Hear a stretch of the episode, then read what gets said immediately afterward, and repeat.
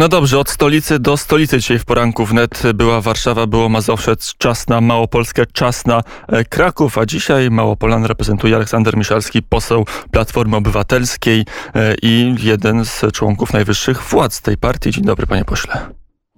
Dzień dobry panu, dzień dobry państwu. W Warszawie zimno i wieje, a w Krakowie jaka pogoda? W Krakowie czy zimno to jeszcze nie wiem, bo nie wychodziłem na zewnątrz. E, wydaje się, że jest trochę śniegu, że leży. Tak, patrzę, że troszkę leży, więc pewnie nie jest najcieplej. Ależ wam zazdroszczę i zazdrościmy pewnie w Warszawie nie tylko ja, ale także cała reszta mieszkańców, bo u nas ani śniegu, ani widu, ani słychu trochę popadało parę dni temu, ale to co spadło zaraz ale to tak, stopniało. To tylko symbolicznie jest, to nie, nie, nie. Nie to co kiedyś. No dobrze, to skoro jesteśmy przy tematach śnieżno-małopolskich, to jak kwestia stoków narciarskich, bo tu się rozegrała dość dziwna batalia wewnątrz rządu. Wicepremier też z Krakowa, Jarosław Gowin otwierał otwarte stoki, na polecenie prezydenta Andrzeja Dudy. Jak wygląda cała kwestia związana i ze stokami, i z tym, że stoki otwarte, hotele e, i baza noclegowa będzie zamknięta? Yy, no ale przecież wszystko się zgadza. Stoki będą otwarte, pan prezydent Duda ma własny pałacyk, do którego podjedzie, poszusuje sobie i zawili się z powrotem, jak już się wyjeździ. No, nie rozumiem o co chodzi. Zresztą chyba marszałek Czerzasty też wyjaśnił bardzo dobitnie, że mamy cudownego prezydenta, który załatwił sobie to, żeby stoki były otwarte jednym telefonem. No nie tylko tak na... sobie, bo i pewnie inni mają też wyciągi, chcieli, żeby byli... nie każdy ma pałacyk, nie każdy ma pałacyk. To prawda, nie, tak każdy. Na poważnie, tak na poważnie to jest to żenujące. Znaczy, w sensie, jeżeli pan prezydent ma taki wpływ na y, premiera Gowina, to mógłby zadzwonić z innymi również branżami, bo myślę, że nie tylko narciarska cierpi w tym momencie na y, spadki potencjalne przychodów. Y, z jednej strony oczywiście lepiej, że branża narciarska jest otwarta, bo tak Wydaje się, że rzeczywiście możliwości zakażenia się na świeżym powietrzu, gdzie ludzie są opatuleni w goglach, jeszcze, jeśli jeszcze by używali masek, to naprawdę są niewielkie. Natomiast y, no, z tego, co rozmawiamy z epidemiologami, y, to naprawdę skumulowanie ferii w przeciągu dwóch tygodni raczej potencjalnie może jednak spowodować pewne zagęszczenie, szczególnie przy tych otwartych stokach. Zagęszczenie turystów. Dałoby się tak otworzyć branżę turystyczną, również hotele, apartamenty, kwatery prywatne, by przy jednak zmniejszonym popycie, bo jest oczywistym, że będzie on zmniejszony ze względu na obawy chociażby niektórych ludzi i przy na przykład obłożeniu rzędu 30%, z jednej strony dać tym przedsiębiorcom może nie zarobić, ale utrzymać obiekty, z drugiej strony y, zachować ten bezpieczny dystans, y, nie otwierać gastronomii, zostawić gastronomię tylko na wynos, ale jednak zapewnić to obłożenie na poziomie po prostu przetrwania branży. I z trzeciej strony rozszerzając serię, spowodować, że rzeczywiście od początku stycznia do, nie wiem, połowy marca, a może trochę dłużej, póki śnieg jest, albo da się naśnieżać, te przychody jakoś by się generowały, ten ruch by się rozkładał. I mm, no i, i troszeczkę jest dla to dziwne, że, że po prostu rząd w ogóle nie chce o tym dyskutować. No, 13 grudnia w południe ma być e, strajk. Tak, chyba czytałem 13 grudnia. Nie tak. wiem czemu tak późno e, strajk branży hotelarskiej i e, branży, która przyjmuje turystów.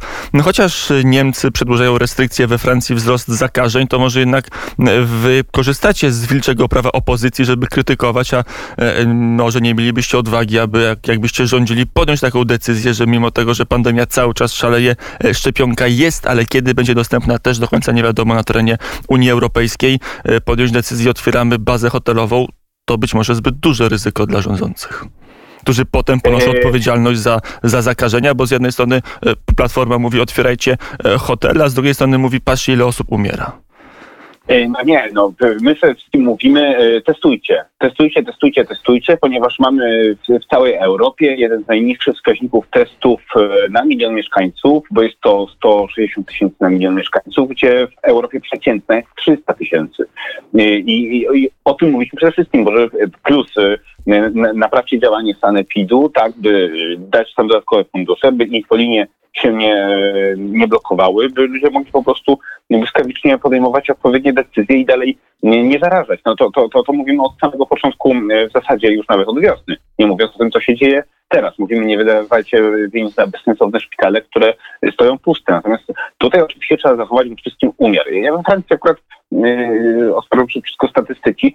Nie ma tam wzrostu, tam jeszcze, yy, tam jeszcze miesiąc temu było 100 tysięcy prawie zakażeń, a w tej chwili to się oczywiście waha. Jednego dnia jest 8, drugiego 10. Z tego co wiem, co właśnie otwarli yy, dwa dni temu supermarkety, w sensie galerie, więc oczywiście w każdym kraju się to będzie wahało, no ale My w tej chwili oczywiście w statystykach e, niechlubne bijemy rekordy, to prawda.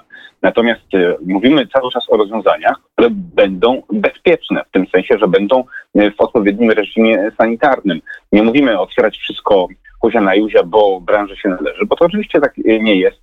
Branża też musi brać pod uwagę sytuację epidemiologiczną. Mówimy o tym, by próbować po pierwsze rozłożyć ten ruch i to jest może kluczowe, że kumulowanie go w ciągu dwóch tygodni jest, jest absurdalne, bo jednak ludzie niektórzy będą podpisywać te zaświadczenia, że służbowo przyjechali, inni przyjadą nawet na te stoki na jeden dzień, inni mają swoje własne prywatne mieszkania, ktoś będzie spać w rodziny i dalej to wszystko się kumuluje w te dwa tygodnie. Tych wszystkich potencjalnych, którzy chcieliby jednak skorzystać, prawda? Nawet tych, których no tak, dokładnie tych, którzy chcieli przyjechać, prawda? I mieć ten, ten, ten czas e, wolny. Natomiast jeżeli rozłożymy to na 10 tygodni i minimalnie porozujemy te restrykcje e, z jakimś, e, z jakimś naprawdę wysokim reżimem sanitarnym dla branży, to wtedy to zagrożenie minimalizujemy, a jednak im dalej w las, tym jest szansa, że ten wirus będzie, będzie mm, gdzieś tam sobie on będzie, panie pośle.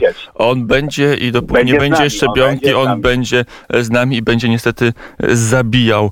Mm, no, ale nie Pola... możemy zamknąć do końca obecności wirusa, która może nam jeszcze przynajmniej przez rok e, uprzykrzać czas, zamknąć wszystkiego. To Chociaż trzeba uważać i tu się... Ryzyko.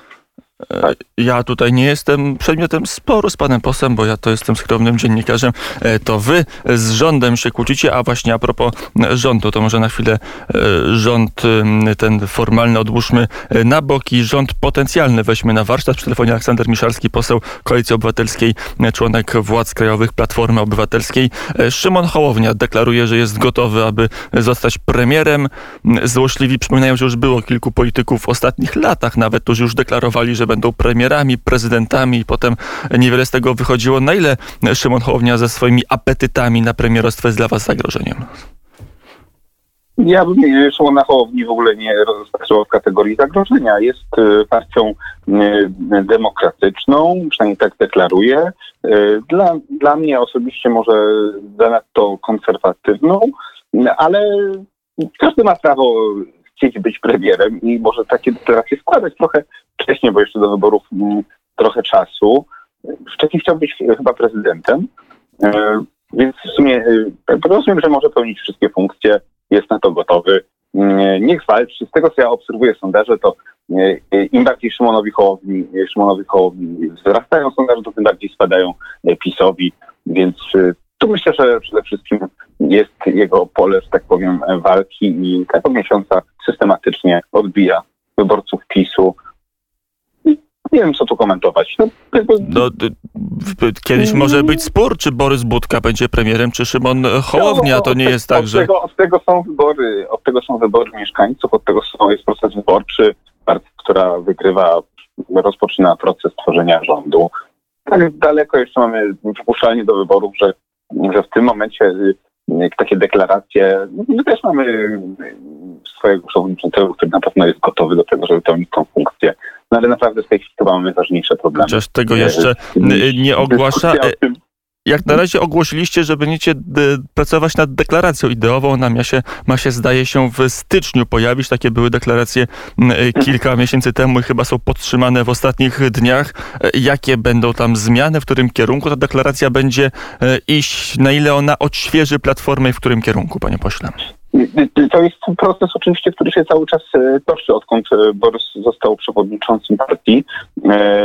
Zarówno pracujemy nad zmianami statutu, czyli w ogóle funkcjonowania partii, żeby troszeczkę odświeżyć tą organizację w zakresie funkcjonalnym, jak i oczywiście został powołany zespół do pracy nad mm, pewnym odświeżeniem jakby kwestii ideowych. W sensie dyskusja zawsze w partii jest potrzebna. Zawsze trzeba e, sprawdzać, czy jesteśmy, czy, czy to, co, to, co mamy gdzieś tam wypracowane programowo jest aktualne, e, zaczynając od tej dyskusji ideowej, która gdzieś tam w partii się już zaczęła e, toczyć. Pewnie w styczniu rzeczywiście jakiś dokument na 200-lecie partii powstanie, natomiast później na podstawie tej deklaracji ideowej zaczynamy dyskutować i pisać nowy program, bo to, bo to dopiero podstawa do, do ogłoszenia tych programów kompletnego na, na kolejne wybory, więc to nie jest nic nadzwyczajnego, że cały czas w partiach tego typu dyskusje się toczą i rzeczywiście u nas e, na styczeń jest wstępnie taki plan, żeby to, to ogłosić, no ale Wiadomo, że jeszcze w tej chwili konkretów nie ma. Y, żyjemy ostatnio w natężeniu różnych sondaży.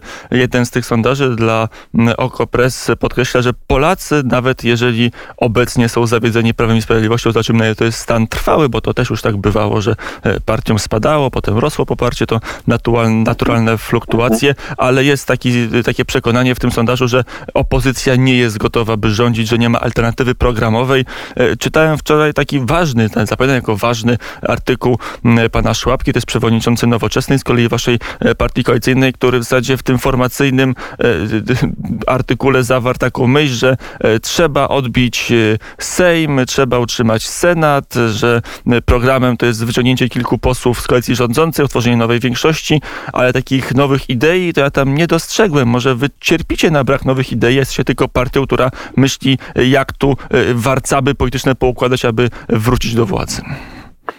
Nie no, panie redaktorze, cały czas jest aktualny e, program, e, program zresztą nie tylko Platformy, tylko program Koalicji Obywatelskiej, z którym startowaliśmy ostatnio. On liczy 150 e, stron i jest... Tylko jakoś na... Polacy go nie zauważają, przynajmniej w sondażach. Nie, no też on jest, no wiadomo, że jego programie się głównie mówi w okresie przedwyborczym i, i taki dokument jest to ja, ja mogę z, z pamięci wymienić y, panu redaktorowi najważniejsze jego nie, nie, założenia. Nie, nie trzeba, czytałem, nie, panie nie pośle, nie ma takiej potrzeby, ale to, się tylko... Są, są, są ważne rzeczy, które dla obecnej władzy są zupełnie nieważne. Oczywiście pewnie im bliżej wyborów, tym bardziej trzeba je podkreślać. Może trzeba znowu dodać pewnego rodzaju odświeżenia, ale no, rozumiem się zasadniczo w zakresie chociażby decentralizacji państwa, roli samorządu, roli gospodarki, w zakresie praw człowieka, w zakresie podejścia do ekologii, do zdrowia e, Polaków. Tutaj jest e, do energetyki. No to jest mnóstwo e, kwestii, które bardzo mocno nas no, rządzących różnią, więc jakby nie zgodziłbym się z tezą, że chodzi o to, żeby odbić paru posłów, przejąć władzę i, i nic się nie zmieni. Owszem, mamy bardzo mocno inne podejście w wielu zakresach programowych. Powiedział Aleksander Miszalski, poseł Platformy Obywatelskiej z Małopolski, lider struktur partii opozycyjnej największej w tamtym regionie. Panie pośle, dziękuję bardzo za rozmowę. Dziękuję bardzo. I do usłyszenia. My mamy na zegarach godzinę 7 minut 52. To teraz czas na kronikę paryską.